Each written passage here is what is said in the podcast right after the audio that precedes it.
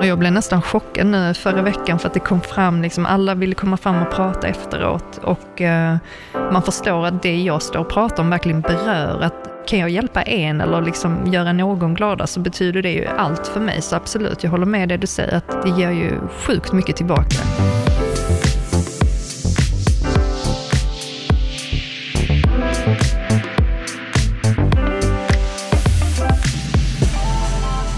Välkomna tillbaka till ett nytt avsnitt och en ny gäst, Claes Svensson. Välkommen! Tack så jättemycket. Jävligt kul att ha dig här. Bra med skånska i etern. Eller hur? Ja. Jag kände det, det är, man får inte höra det så ofta här i Stockholm. Nej. Och, alltid när jag pratar så säger alltid folk, Åh, du, du pratar inte svenska, du pratar danska typ. Du har ju ännu grövre skånska än vad jag har. Ja men det har jag nog. Jag kommer lite längre söderut, utanför Malmö. Du är från Höllviken, eller hur? Precis, ja. Exakt, och där är det ännu grötigare liksom. Jag tror det, men jag, jag tycker att jag försöker artikulera nu när man är i storstaden, så att än så länge blir jag förstådd. Men bor du i Stockholm nu? Ja. Hur länge har du bott här? I tre månader. Ah, Okej, så det är Mm. inte så länge nej. Nej. Tror du att din dialekt kommer att försvinna med tiden? Alltså jag hoppas inte det, för jag tycker ändå det är lite charmigt att ha ja, men kvar skånskan. Men uh, who knows? Eller jag tycker, Mm. jag tycker också det är nice, jag, jag är så så här, jag vill att man ska hålla fast vid det. Jag vill inte att man ska, jag vill inte tappa min. Nu har inte jag så, för Malmö har man ju lite annorlunda tror jag. Men eh, man vill inte tappa skånskan, jag Nej. tycker det är charmigt. Mm. Jag, och jag tycker det är kanske bland de finare dialekterna i landet.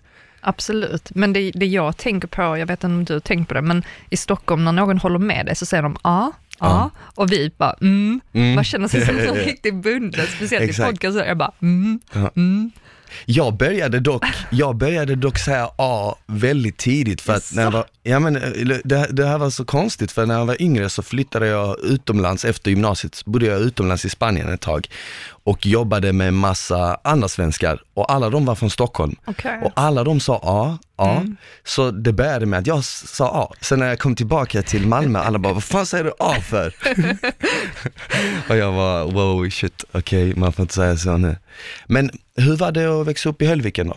Det var, ja, men det var väldigt, vad ska man säga, idylliskt, väldigt eh, skyddad verkstad. Det var, man kunde cykla överallt, leka överallt, eh, väldigt trygg uppväxt. Mm. Och så mycket strandhäng eftersom havet ligger där. Ja. Så att jag hade en jättehärlig uppväxt verkligen. Det är skitfint där. Mm. Det är, alltså, eh, nu har jag inte varit över hela Skåne, Österlen är också fint, men just Höllviken, Falsterbo, hela Skanör där, det är skitfint. Ja men det bästa är ju som sagt sandstränderna. Jag är Ja. ju sån här besatt att så fort det blir varmt måste jag till hav. Mm. Så man är lite skadad på det sättet. Men nej men det var jättefint.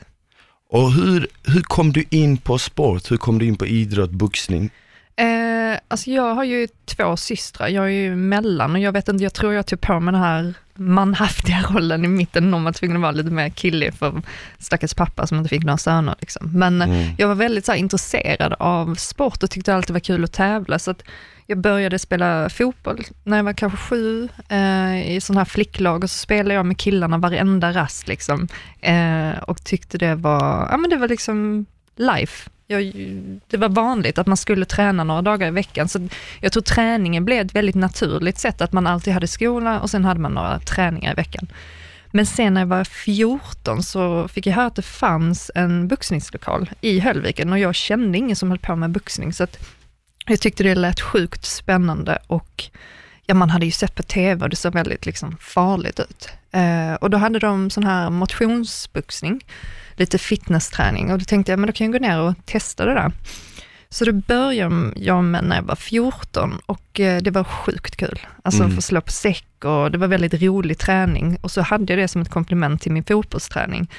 Och sen märkte jag bara att nej men det här är ju roligare. Och sen så eftersom jag ändå var relativt ung så frågade de, "Ja, men ska du inte ner i tävlingsgruppen och testa på? Eh, så det var liksom mer slump att jag kom till en väldigt bra klubb som var etablerad och hade en väldigt bra tränare.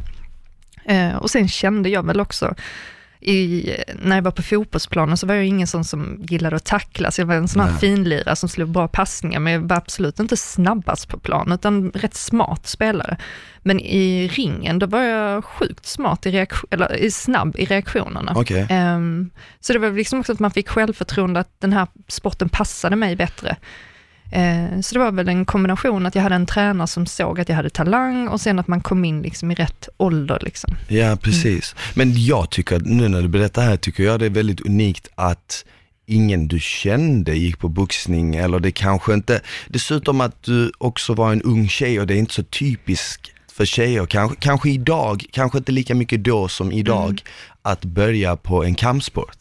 Nej, precis. Alltså, jag vet inte, jag är ganska så här um, disträ. Jag tror inte, i den åldern så tänker man inte så mycket mer än att eh, man hittar något som man tycker är kul. Yeah. Och sen är jag väl också, har turen att inte ha föräldrar som har så mycket åsikter. Jag har alltid fått göra liksom vad jag velat, så de bara, ja ja okej. Okay. Den enda gången de har haft liksom lite åsikter eller tyckt någonting, det var väl när jag gick från amatörboxning och gick över som proffs, för där smäller det ju lite. Ja. Och det är lite tuffare, så det är väl klart att min stackars mormor fortfarande var de, var, var, var de lite nervösa då? Var de lite rädda för dig? Ja, men det tror jag. Eh, men den som har lidit mest av min boxningskarriär, det är min stackars mormor som är 90 år idag. Alltså vet hon är så rolig när jag ska gå match och så stannar ju folk henne liksom där nere och bara, Åh, nu ska hon gå och hon bara, ah, så håller hon för öronen och springer ifrån. Alltså hon blir så jävligt nervös. Hon är, är jättesportintresserad, men hon har ett sån här grej, hon kollar på fotboll när typ landslaget spelar. Ja, ja. Då får hon för sig att hon medför otur, så hon liksom kan inte se på en hel match. Hon är väldigt neurotisk min stackars mamma. Oj, ja. men, men, men okej, så du börjar rätt ungt då?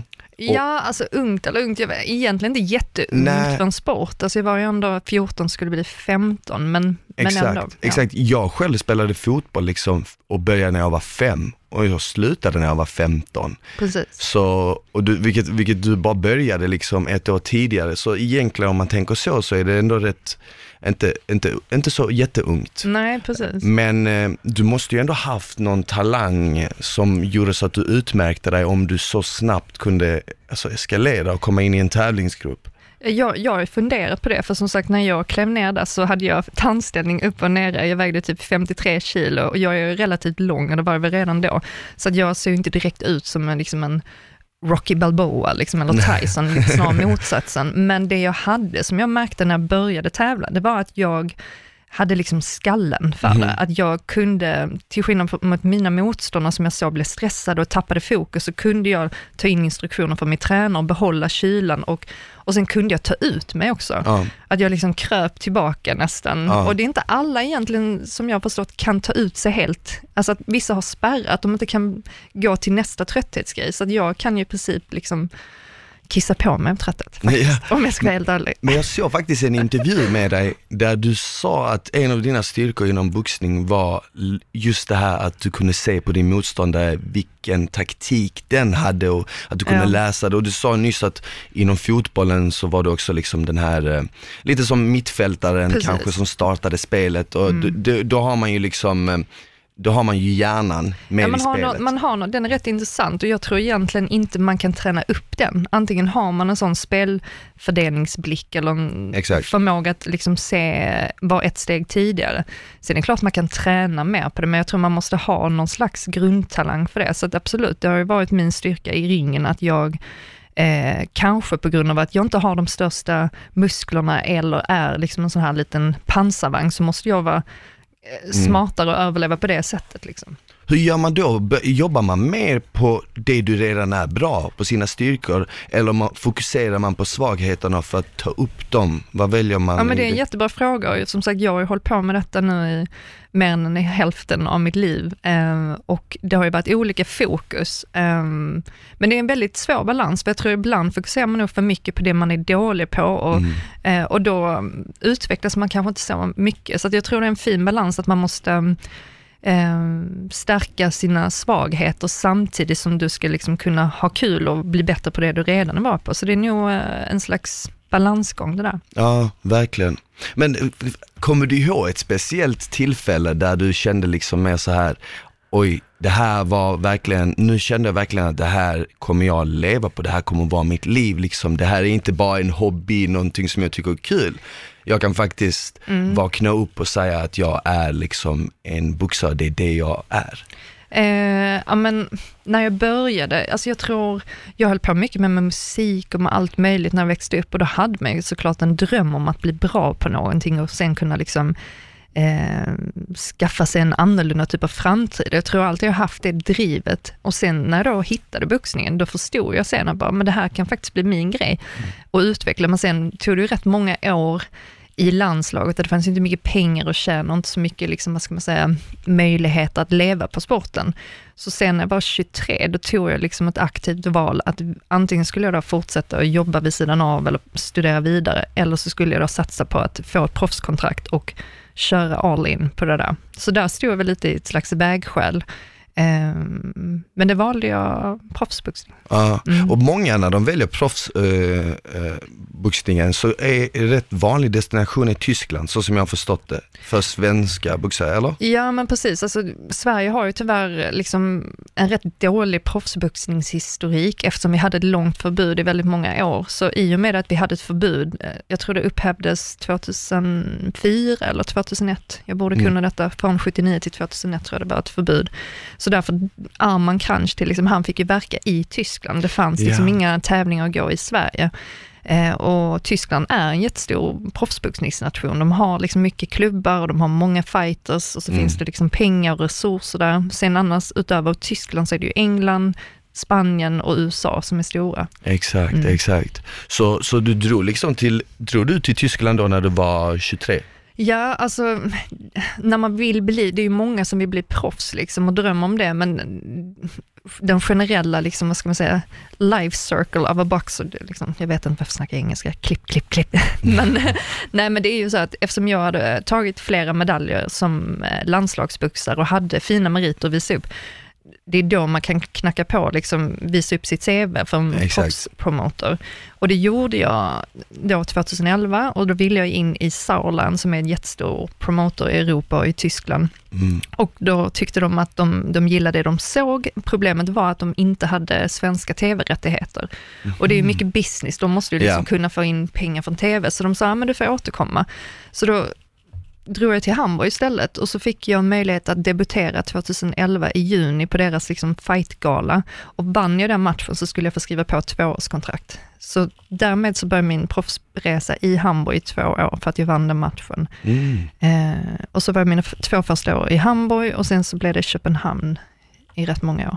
Ah, Okej, okay. för att i Danmark är det som i Tyskland, där har de också... Ja, de har också alltid liksom haft um, möjligt att kunna verka som proffsboxare. Men sen, jag skrev ju på de här Sauland som jag ville in i början, de ville ha mig sen efter två år, för då hade de fått eh, rättigheter till svensk TV och då hade jag plötsligt vunnit tio matcher och var attraktiv på marknaden. Mm. Och då hade de precis börjat ett nytt gym i Köpenhamn. Okay. Eh, så de hade både Berlin och så ett nytt gym i Köpenhamn. Så tänkte jag att man är nära och bra till Skåne. Ja, det tar ju bara vad kvart med tåget, så ja, du är ändå precis. nära hem. Ja, liksom. Ja. Ändå skönt. Så då boxades det eh, massa år i Tyskland. Men du har, du har förlorat under karriären? Ja, jag har ju gått 20 proffsmatcher och förlorat två förlorat två. Ja. Hur, eh, någonting som jag är väldigt så här fascinerad av, som jag har ju själv alltid varit intresserad av boxning. Eh, som ung kollade jag så på boxningsmatcher, jag kollade alltid på gamla matcher av Muhammad Ali, Mike Tyson, ja. som är min så här personliga favorit liksom. För att jag gillar liksom, jag gillar boxare som kommer in och är så här explosiva, du vet, som har liksom den här energin, du vet, som vissa kommer in med.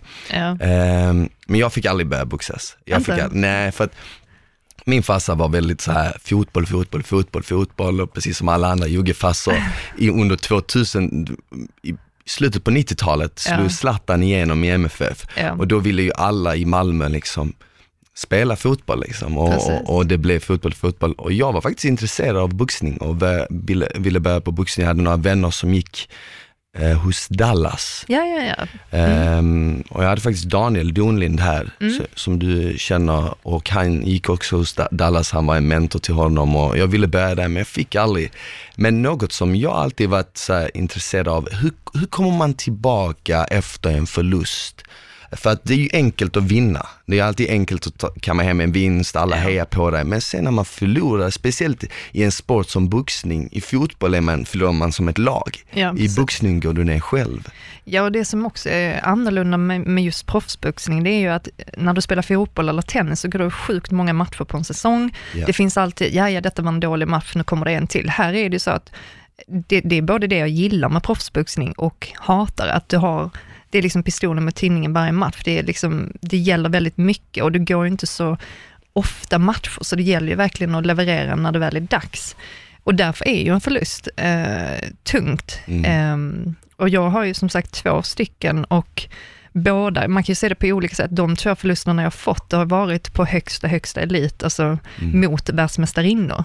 Okej. absolut, ska du förlora någon gång så ska du förlora med den som är nummer ett när du är nummer två, samtidigt som att det är ju de matcherna jag ville ha vunnit. Exakt, liksom. exakt. Så att, ehm, jag hade min första förlust, det var 2015 i maj i Köpenhamn. Och den var riktigt tuff den förlusten, för att där, ehm, jag blev proffs 2011 och mitt mål, alltså just som du också med, jag har sett på din Instagram, just det här med målsättning, man ska jobba efter ett mål. Mitt mål var ju att bli nummer ett i världen när jag Mm. blev proffs som 23 år gammal. Och det var ju svårt att sätta någon tidsplan, utan jag visste att det här kommer ju ta många år att göra de här hundåren och sen så jobbar man ju upp sitt record liksom.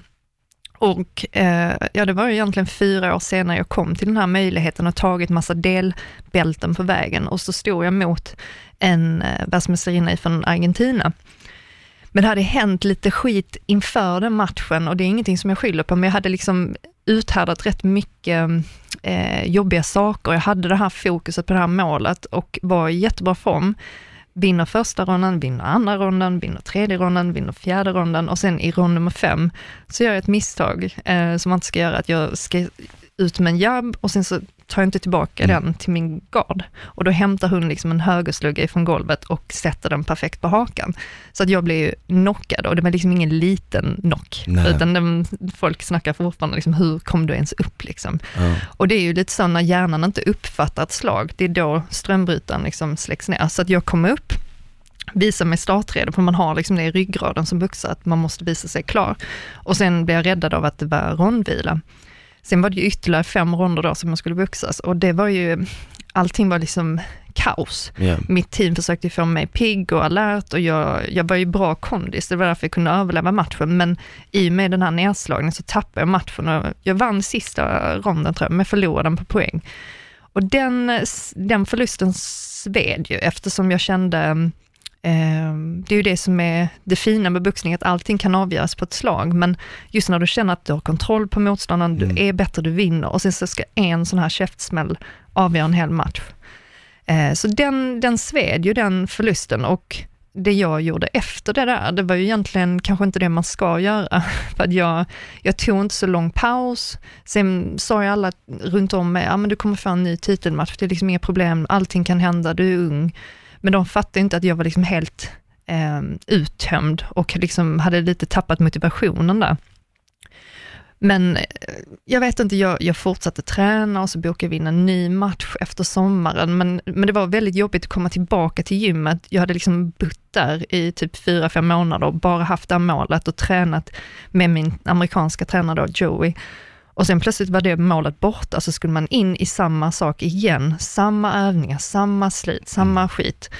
Ehm, och den, den var jobbig, men då eh, fortsatte jag, för jag, jag tänkte att jag ska ju upp och slåss igen, det är liksom inga konstigheter. Fast jag förstod att jag inte liksom var där mentalt. Så det var ett jobbigt läge. ehm, och eh, som tur var den här matchen jag skulle gå efter sommaren, jag blev sjuk samma vecka som, som matchen kom. Och i och med att jag blev sjuk så fick vi ställa in matchen och då såg jag det lite som ett tecken på att nu måste du nog ändra om.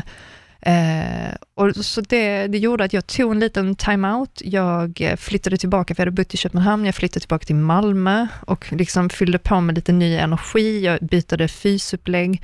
Så att för min del när det gäller förluster så handlar det mycket om att allting kan ju hända i, i match, för du kan aldrig styra över det, men om du har kört ett upplägg så för att kunna få motivation igen så behöver man förändra någonting, att du känner att men nu blir jag bättre. För Ja. jag tror att går man i samma liksom, mönster, det är då det blir jobbigt. Eh, För, att- så, så, så du menar på att du kände ju egentligen att du behövde ta en break, Ja. men nästan som att det var en stolthet som hindrade dig Ja, från gud att ja. göra det. Jag hade ju liksom visat mig svag genom att jag fick min första förlust i karriären. Så det, det enda som var viktigt för mig där och då, det var ju att visa mig stark igen och ingen skulle se att jag, jag var svag och jag skulle bevisa för alla att jag egentligen kunde vinna. Eh, Så det var nog liksom någonting som jag hade skapat i min egen skalle, för att jag hade varit så målorienterad. Och jag tror, jag pratar en del om detta på mina föreläsningar, att eh, det är ju superbra att ha mål och jobba efter, men ibland kan man nog, när man är tävlingsskalle, liksom stirra sig blind på målet. Och det gjorde jag nog där i Köpenhamn, att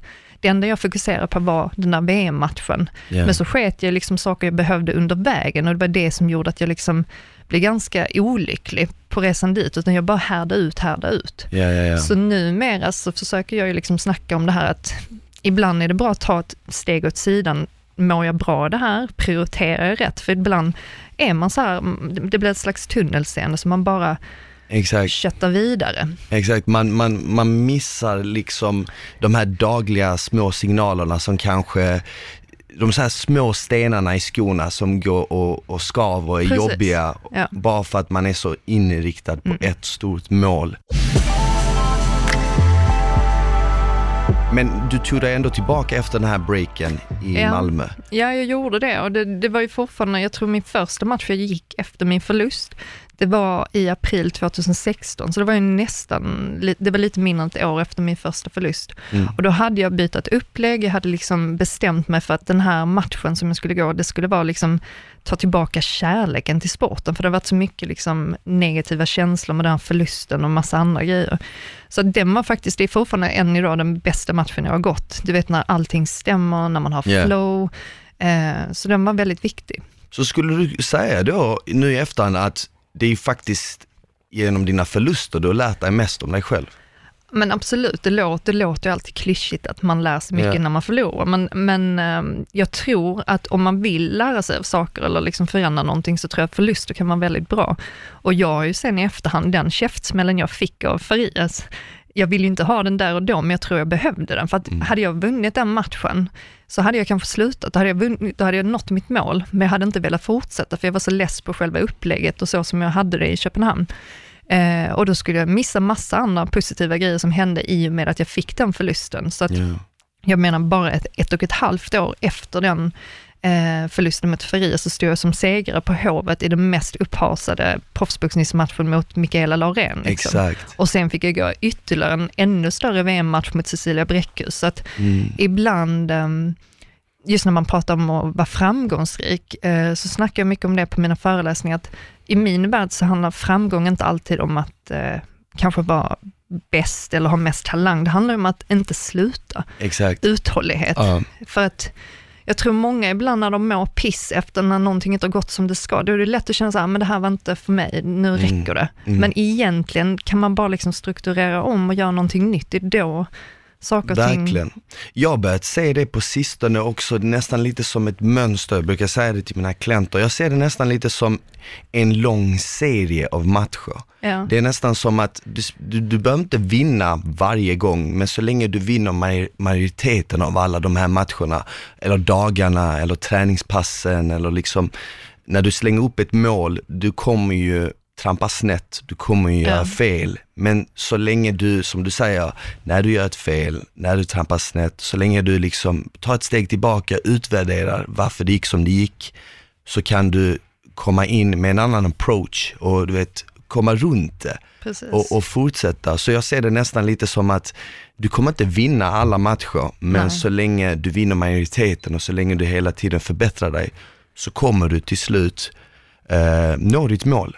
Och jag, jag, jag såg faktiskt, det var ju väldigt uppmärksammat de här matcherna mellan, eh, den här matchen mellan dig och Laurén. Ja. Det var ju mycket så här eh, det var ju mycket så här hat och mycket så här, eh, alltså en riktig så här fighting-anda. Var det liksom, var det tillgjort eller var det på riktigt? Det är faktiskt en, en av de vanligaste frågorna jag får, för att det var ju, det är väldigt ovanligt i sportvärlden, speciellt i Sverige, för att alla är så snälla, ingen säger vad de tycker. I Sverige är det väldigt Gud, ovanligt ja. Och eh, kollar man på proffsboxning generellt, så de stora matcherna, det är ju när vi har två liksom eh, fiender eller antagonister mm. som verkligen ogillar varandra. Det skapar en ännu större liksom, hype för en match. Men vi har inte haft så mycket det i Sverige och, och sanningen är att det var äkta. För mm. att eh, det var ju en lång story. Alltså, Mikaela har ju gått i två viktklasser ovanför mig. Jag boxade i lätt vältervikt och hon boxade väl i, vad heter det, supervältervikt. Mm. Så vi var ju aldrig egentligen rivaler, men hon körde ju en del utkast i media och skulle utmana mig och snacka ner mig. Så då gick mig där och knöt handen i fickan och bara, yeah. vad fan.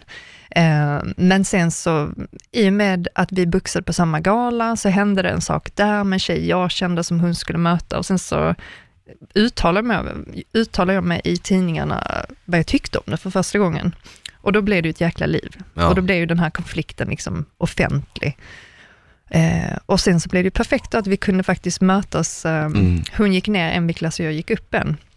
Och då blev det ju en perfekt eh, match och, yeah. och sa samtidigt också när man har två svenskar, då blir det ju ännu mer Exakt. upphypat. Så jag tror den var viktig för eh, proffsboxning generellt i Sverige, att skapa det här intresset. Precis, precis, och skapa mm. den här hypen eh, som, som behövs för att det ska bli mer mainstream, mer liksom eh, Eh, mer populärt bland den vardagliga publiken. Ja, men liksom. precis. För nu är det ju fortfarande i Sverige så är väl inte boxning jätte, jättepopulärt, eller? Nej, det är ju inte särskilt, um, det är ju inte jättemånga som är insatta på de uh, killarna och tjejerna vi har i dagsläget, för det är ju inte särskilt mm, Alltså det är en stor skillnad om det är Tyskland, när man, när man boxas på en gala där, då går liksom hela familjer de ser det som ett lördagsnöje att gå och kolla på proffsboxning, så som vi går och kollar på fotboll eller hockey här. Exakt. Så vi har inte den traditionen. Det är därför det är viktigt att liksom få det här ja. intresset, att folk får upp ögonen. Ja, precis. Ja. Men en grej, det var ju mycket känslor mellan just er två innan den matchen. Borde inte sådana känslor liksom att man kommer in i en fight när det är en rival, när det är två personer som inte liksom gillar varandra så speciellt mycket. Borde inte det, gör det att man blir bättre eller gör det att man blir sämre? För min del tyckte jag att det mm, var mer ett bränsle. Ja. Uh, att vi, det var ju en väldigt lång period av uppsnack och mycket liksom presskonferens, så man levde ju med den här pressen i väldigt många månader. Och sen så körde man ju sitt träningsläger, så att det fanns, hon fanns ju hela tiden i bakhuvudet och det var liksom en sporre för mig. Så att för min del så var det ju eh, en bra sån här drivkraft att mm. vilja hämnas. Ja, men jag, ja, exakt, exakt. Men jag tänker typ i ringen så att man inte är liksom för het om ja. gröten du vet och gör någonting ur liksom känslor, ur känslor mm. liksom, istället för att tänka klart eh, så tänker man liksom efter, oh fan vad jag vill knocka den här ja, personen precis. liksom och så. Ja, men jag tror det, det, kan ju vara ett problem om man blir för känslomässig i en ring, för du måste vara kontrollerad och hela den biten. Jag har faktiskt aldrig upplevt att jag, ehm, tyvärr faktiskt, jag vet att det är en bra egenskap att jag är kontrollerad och fokuserar på det jag ska göra, samtidigt som man ibland kan liksom avundas och bara få känna den här känslan ja. i ringen, så att det nästan blir liksom ja men du vet, filmiskt eller att man för ut sin aggression. För på något sätt så är man som en soldat när du går upp, att du är så fokuserad på det du ska göra så du hinner inte känna efter. Så det är nästan som mm. att man hade liksom velat eh, känna på det där lite. Det är klart att eh, när man är trött, att man hittar den här sista, eh, liksom, vad säger man, kraften såklart. Exakt. Men, men just, jag känner inte så mycket aggressioner eller känslor överhuvudtaget, och man är ganska känslokall. Ja, ja, ja. Men det, det, det, säger jag nästan, eh, det kan också vara en fördel. Ja. Precis som det här att ha, ett, ha den här emotionella bränslet kan det också vara en fördel att kunna ha så här is i magen och vara mm. kontrollerad och alltid vara liksom så här, typ Björn Borg, du vet så ja. Eh, men, men eh, efter den matchen, det måste känns skönt när du kammar hem den. Ja, alltså det, få det avslutat ja, bara för det, det var, var så stort inom media. Jag tror jag var så jäkla trött. Jag hade ju bytt viktklass så jag blev väldigt, väldigt trött. För att när man lägger på sig muskler också, det är ju mer att bära på, så det får ju mer mjölksyra. Så jag vet att jag Hur var, mycket behövde du gå upp? Det var, jag boxade 63,5 och här fick man väga 66,67. Så okay. det var ju tre kilo drygt. Eh, men Eh, det är ändå en stor skillnad för kroppen när du boxas i sex år, liksom samma yeah. viktklass. Så att jag vet att jag var otroligt trött, så att när, när jag väl vann så var det mest liksom, oh, en befrielse, för att det var så mycket press eh, att man liksom hade velat lämna landet om man förlorade den där. Så att, eh, det var mest en befrielse, men såklart väldigt viktig seger. Ja, precis. Men eh, hur, när du, när du, bok, du boxas fortfarande? Ja, jag har inte slutat, ehm, men jag har inte gått match på ett år Okej. drygt. Så att vi, jag står lite så här, jag väntar, skulle det komma en match som jag känner att jag kan satsa allt på och som är värd att satsa på, då kommer jag köra. Men eh, det finns ingen konkret datum eller match bokad just nu. Nej. Och hur följer du någon eh, kostrutin nu eller någon speciell träningsrutin eller du kör som du alltid har gjort? Nej, alltså det är väldigt annorlunda. Om jag skulle köra inför match, då kör man ju två pass om dagen, man har en vilodag och det är väldigt liksom en, en lång, eh, vad ska man säga, ett långt upplägg med både styrka och sen mycket fys och mycket löpning. Så där befinner inte jag mig nu, utan nu fokuserar jag mest på att träna för att jag vill må bra och såklart vara uthållig, bli stark, så att man håller slags en grundform. Eh, så jag kan tycka det är rätt skönt. Jag tror eh, ibland när man har varit i de här långa camps som man är van att träna Mm. två pass om dagen, kan vara skönt att bara träna för att må bra, inte för att bli bäst i två timmar och bara fila på sådana små detaljer. Ja, precis. Eh, Så det är kul. Precis, ja för du äh, käkade lite keso innan du kom Ja, hit. Att jag tänkte om det var typ en, just så här att det måste vara liksom mycket protein, mycket Nej. liksom eh, lite fett och så här. Det tänker man inte på om det är på en vanlig dag, utan det är precis innan matchen man måste vara mer exakt liksom. Ja, och som sagt, eh, nu när jag gick upp en viktklass så har jag inte haft några större problem och det är väl därför vissa boxar har ju väldigt mycket så här lång diet för att du ska väga in dagen innan och, och där gäller det liksom börja i tid så att du inte sabbar din prestation. Eh, men självfallet så är det ju väldigt viktigt med kosten och det sitter ju i en att man vill äta bra, samtidigt som jag kan tycka det är väldigt skönt också bara för att äta när jag är hungrig eller inte äta så mycket om jag inte är sugen på det. När jag, när jag bytte viktklass så var det ju viktigt för mig att tvinga i mig massa mat och det är inte så jäkla gott alltid Nej. med, med Och sen, sen eh, när jag velat lägga på mig och gå upp i vikt så känner jag att man kan ju tänka sig att mer mat, mer energi, men jag fick ju liksom bara känslan av att jag blev bara tröttare. ja. För det är så mycket mat som kroppen hela tiden måste gå igenom och bearbeta och så äter man hela tiden och, och jag tyckte nästan att det var jobbigare än att väga mindre. Precis. Sen beror det ju på liksom, vissa, har ju, vissa är ju bara större i kroppen än andra liksom. Ja. Eh, Jag var på min första MMA-gala nu i helgen. Ja. Eh, var du där? ja, jag jobbade, jag var flygande reporter så intervjuade fightersen efter de hade klivit ner från buren. Ja, du gjorde det? Ja. Så du intervjuade alla då eller? eller Inte de- alla, men de flesta svenskarna och sen Anthony Smith mm. eh, också. Ja, vad tyckte du om den sista matchen? Eh, den sista matchen, det var ju, det är otroligt sorgligt såklart att vara på plats. Eh, jag har ju tränat en del med, med killarna där i Allstars och tagit rygg på dem på deras intervaller. Mm. Eh, men eh, vad ska man säga, jag förstår honom, jag förstår att han, han känner sig klar. Samtidigt som jag då, som vi diskuterade tidigare, att ibland behöver man bara kanske göra om eller få något break och liksom, ibland kanske det inte är klar, men det tror jag man känner individuellt. Han är ju så pass rutinerad så att han känner väl att han är klar, att han har, eh, och det är inte så konstigt med alla de här stora matcherna han har gått och det har inte Ja. gått vägen. Och, ehm, men det är en speciell känsla att vara på plats, liksom, för Ja. det, är, det är sorgligt. Jag kan verkligen relatera till ja, med hela hans känsloregister. Ja. Ehm, Och sen är det som du säger, tror jag också att eh, i och med att man går så få matcher när det kommer till kampsport, om det är boxning eller MMA, Mm. så blir ju nästan förlusterna mycket tyngre. gud ja. Det är ju inte som i fotboll var man spelar eh, varannan vecka liksom, eller ibland när- om det är serie till och med oftare. Eh, så det blir liksom mer påtagligare. Har du själv någon gång funderat på MMA?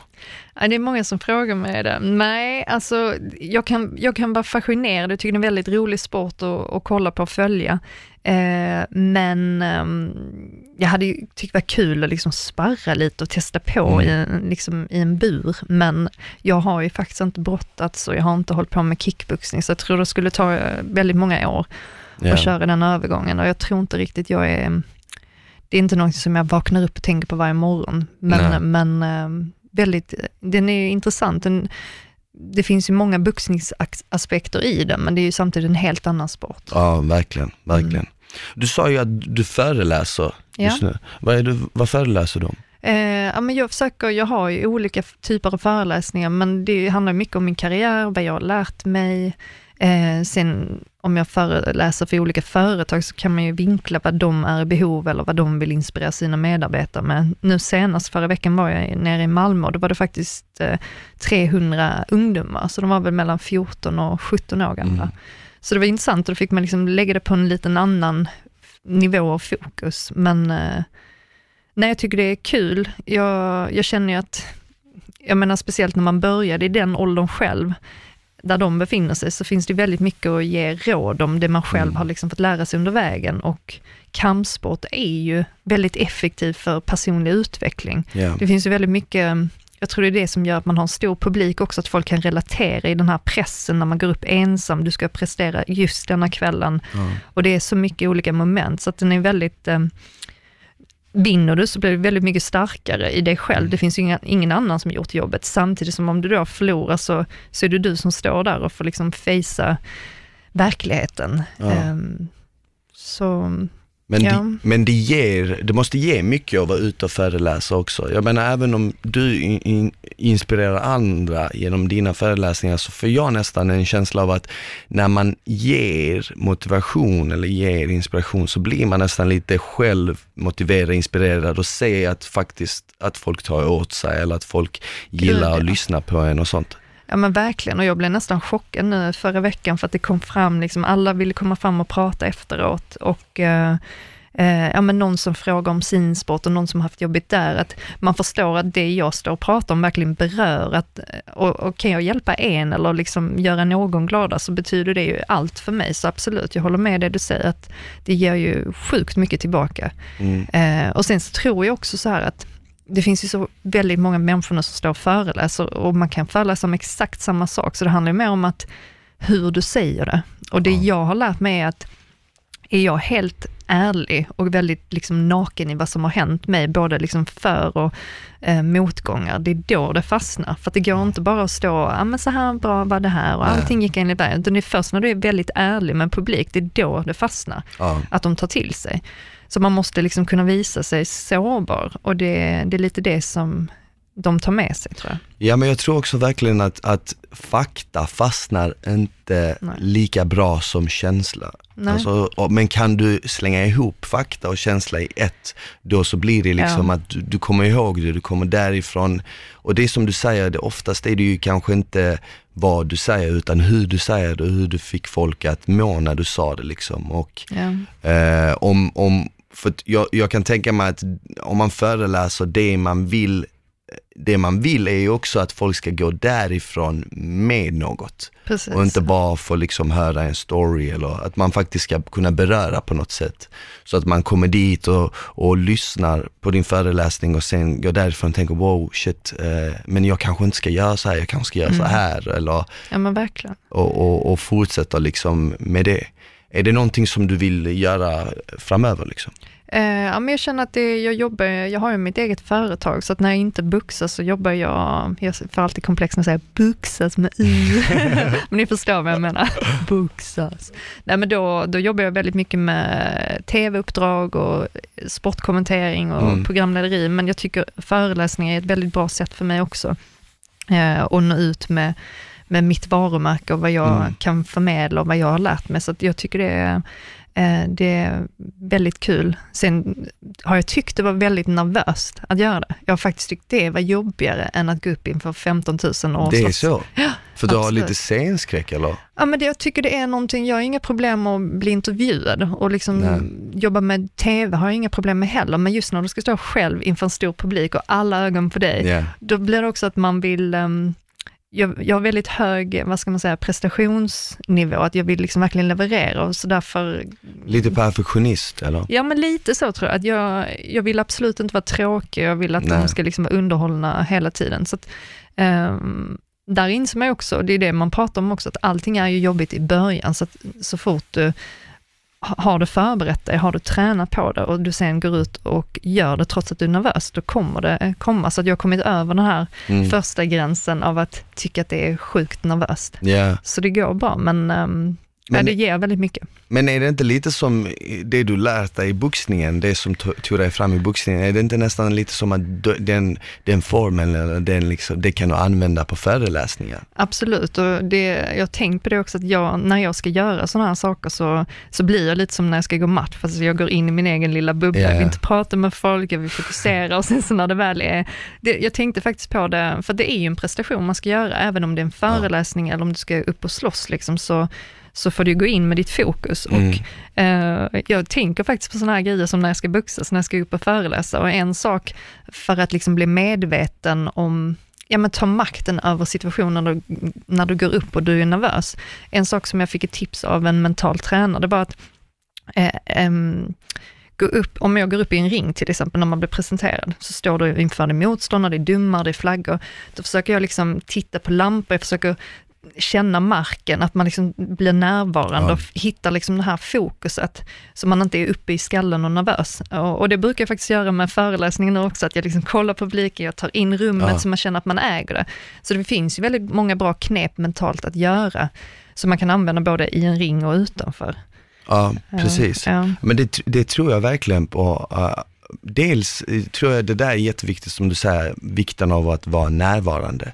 Och idag är det ju så svårt att vara närvar närvarande på grund av att det är så mycket som hela tiden vill åt din uppmärksamhet.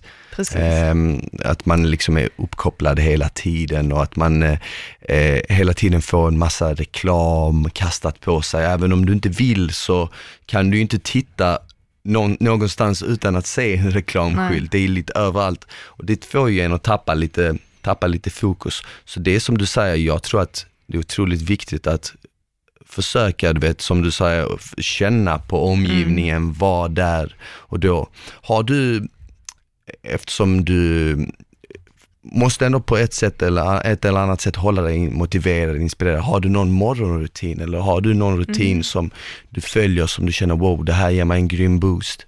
Ja, men jag, jag har faktiskt jobbat mycket med ritualer, för att jag, jag tror att vi människor är, speciellt om man då inte har ett 8 5 jobb eller fasta tider, så tror jag det är viktigt som människa att liksom skapa en slags rutin.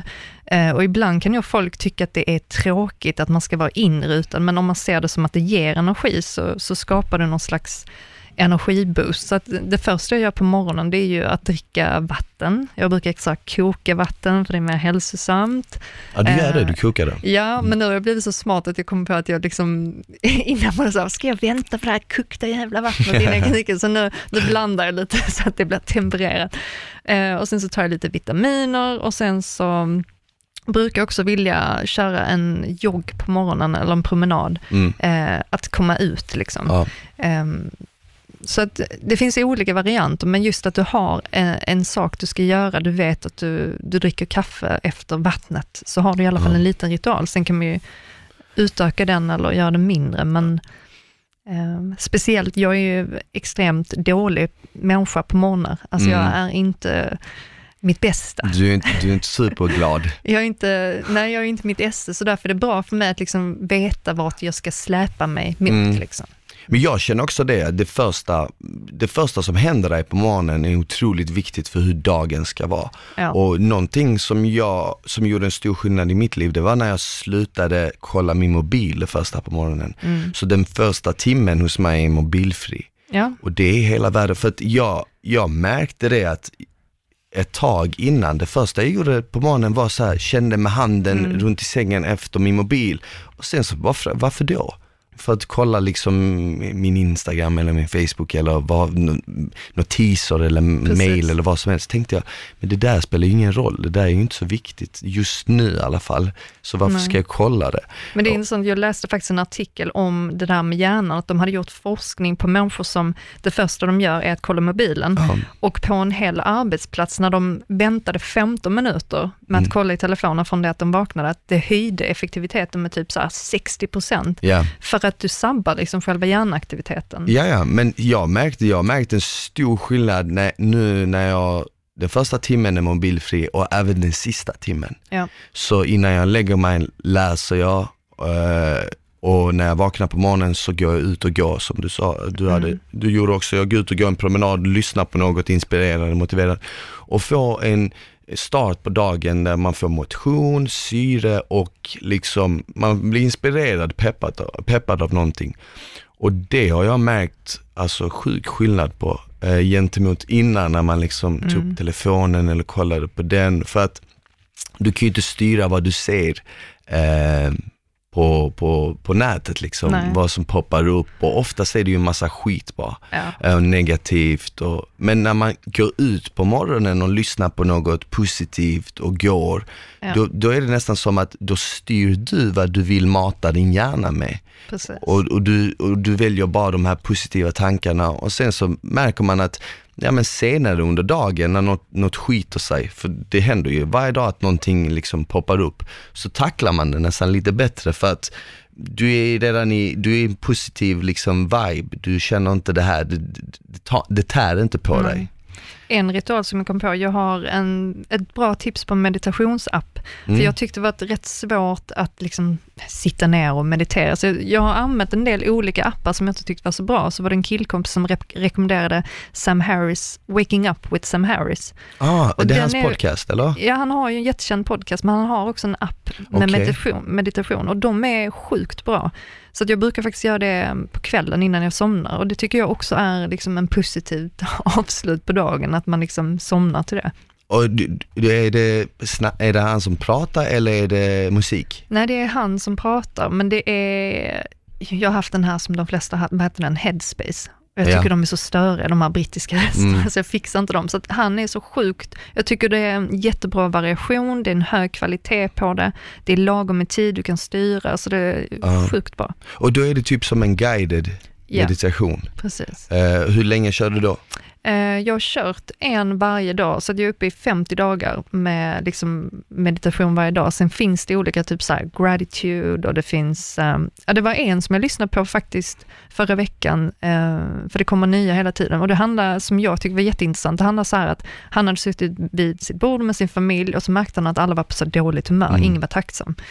Och så tänkte han så här, vad hade hänt om jag hade dött igår? Mm tänk vad mycket jag hade uppskattat det här ögonblicket, hur tacksam jag hade varit för att sitta här. Och så började han tänka det som ett sätt att liksom uppskatta dagen. Och det har jag börjat med efter det. Och det gör att jag är sjukt mycket mer närvarande. Jag satt på bussen istället för att stirra ner telefonen, så tittade jag på träden. Tänk om jag hade dött igår, så hade ja. jag inte sett det här. Ja. Och jag tror att ibland måste man påminna sig om det där. Och så fort du sig. gör det så skapar du den här stora, stora tacksamheten. Ja, verkligen. Nej, men det, det tror jag väldigt mycket på och något som jag nu i efterhand när man blivit lite äldre och börjat komma in mer på det här med motivation och allt det, så när jag var yngre så var jag med om en del saker som var lite så här livsavgörande, som kunde lika bra, olyckor som kunde lika bra varit slutet för mig. Mm. Som man då tänkte, wow shit vilken tur. Men nu i efterhand så blir det nästan som att det har hjälpt en att uppskatta saker mycket mer för att man tänker att ja men allt det här efter det har varit mm. en bonus. Gud, så, ja. du vet, så det här är ju bara bra liksom. Och eh, nästan som lite tur i oturen. Ja. Men när du kör de här meditationerna, hur långa är de? Eh, jag tror generellt de ligger på 12-14 minuter. Okej, okay, så, så, det är, inte rätt, så långt? Nej, precis. Ja. Sen finns det längre, det finns en timme, det finns 25, men det är det jag gillar, att det finns stor variation och jag tycker att de är de utmanar liksom mer. Det är inte som de här, nu ska jag inte snacka ner headspace, men jag tycker faktiskt inte de är mm. jättebra. Har du märkt någon stor skillnad? För du har ändå kört 50 dagar, det är, mm. det är länge. Nej men det jag tycker är ju framförallt som du snackar om när du börjar din morgon så som du vill, att man är mer eh, mottaglig för stress, man liksom har en annan distans, att du är mer grundad i dig själv. Så mm. det, känns ju som att eh, ibland kan man eh, kanske bli lätt irriterad eller stressa upp sig för saker, men det skapar liksom någon slags lugn. Exakt. Um, men jag hade, jag hade gärna utvecklat det, jag känner fortfarande att jag är lite så amatör på meditation, så att jag, jag tror att det finns de som kan sitta liksom i en hel timme och bara fylla på med någon annan slags sån här yogi Ja, och hamna typ i ett annat läge. Liksom. ja, jag har hört folk som liksom känner att de typ i princip lämnar kroppen. Ja. Men jag tror också att det precis som allt annat, träning och allting, ja. så är det sånt som tar tid liksom. Och komma in i det. Men ja, definitivt, jag har testat meditation, men jag har alltid velat göra det till en rutin. Jag har bara fått svårt, ibland gör man det liksom tre dagar, slutar ja. och så blir det tre. Och det är därför det är bra med en sån, du får varje dag, mm. nummer två, nummer tre, nummer fyra. Så det... och, jag, och jag tycker det är faktiskt, det är bra att de är kortare, för mm. det är mm. enklare att hålla fast sig vid det. För att ska man gå all in och kanske tänka, oh, nu måste jag meditera en halvtimme eller timme, ja. då kommer man kanske fejla och ge Men, upp. Precis. Så det är bättre att börja mm. liksom smått. Mm. Uh, coolt, jag ska faktiskt kolla upp den Sam Harris. Waking up with Sam Harris. Waking up with Sam Harris, häftigt. Ja, Klara, tack så hemskt mycket för att du kom hit. Tack själv. Var kan uh, folk hitta dig?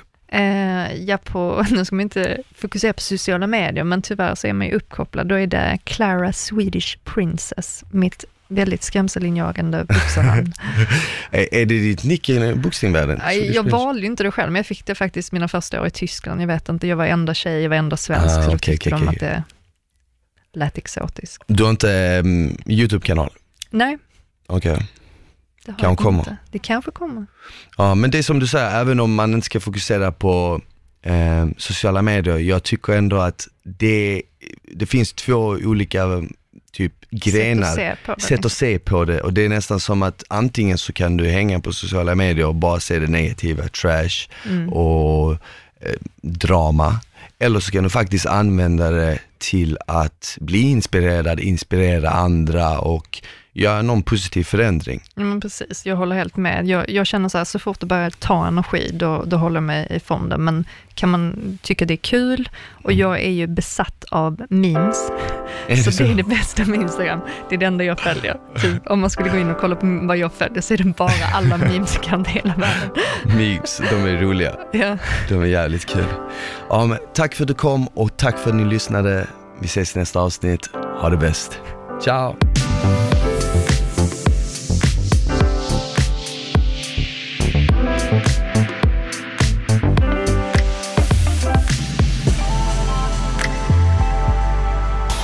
Produceras av I Like Radio.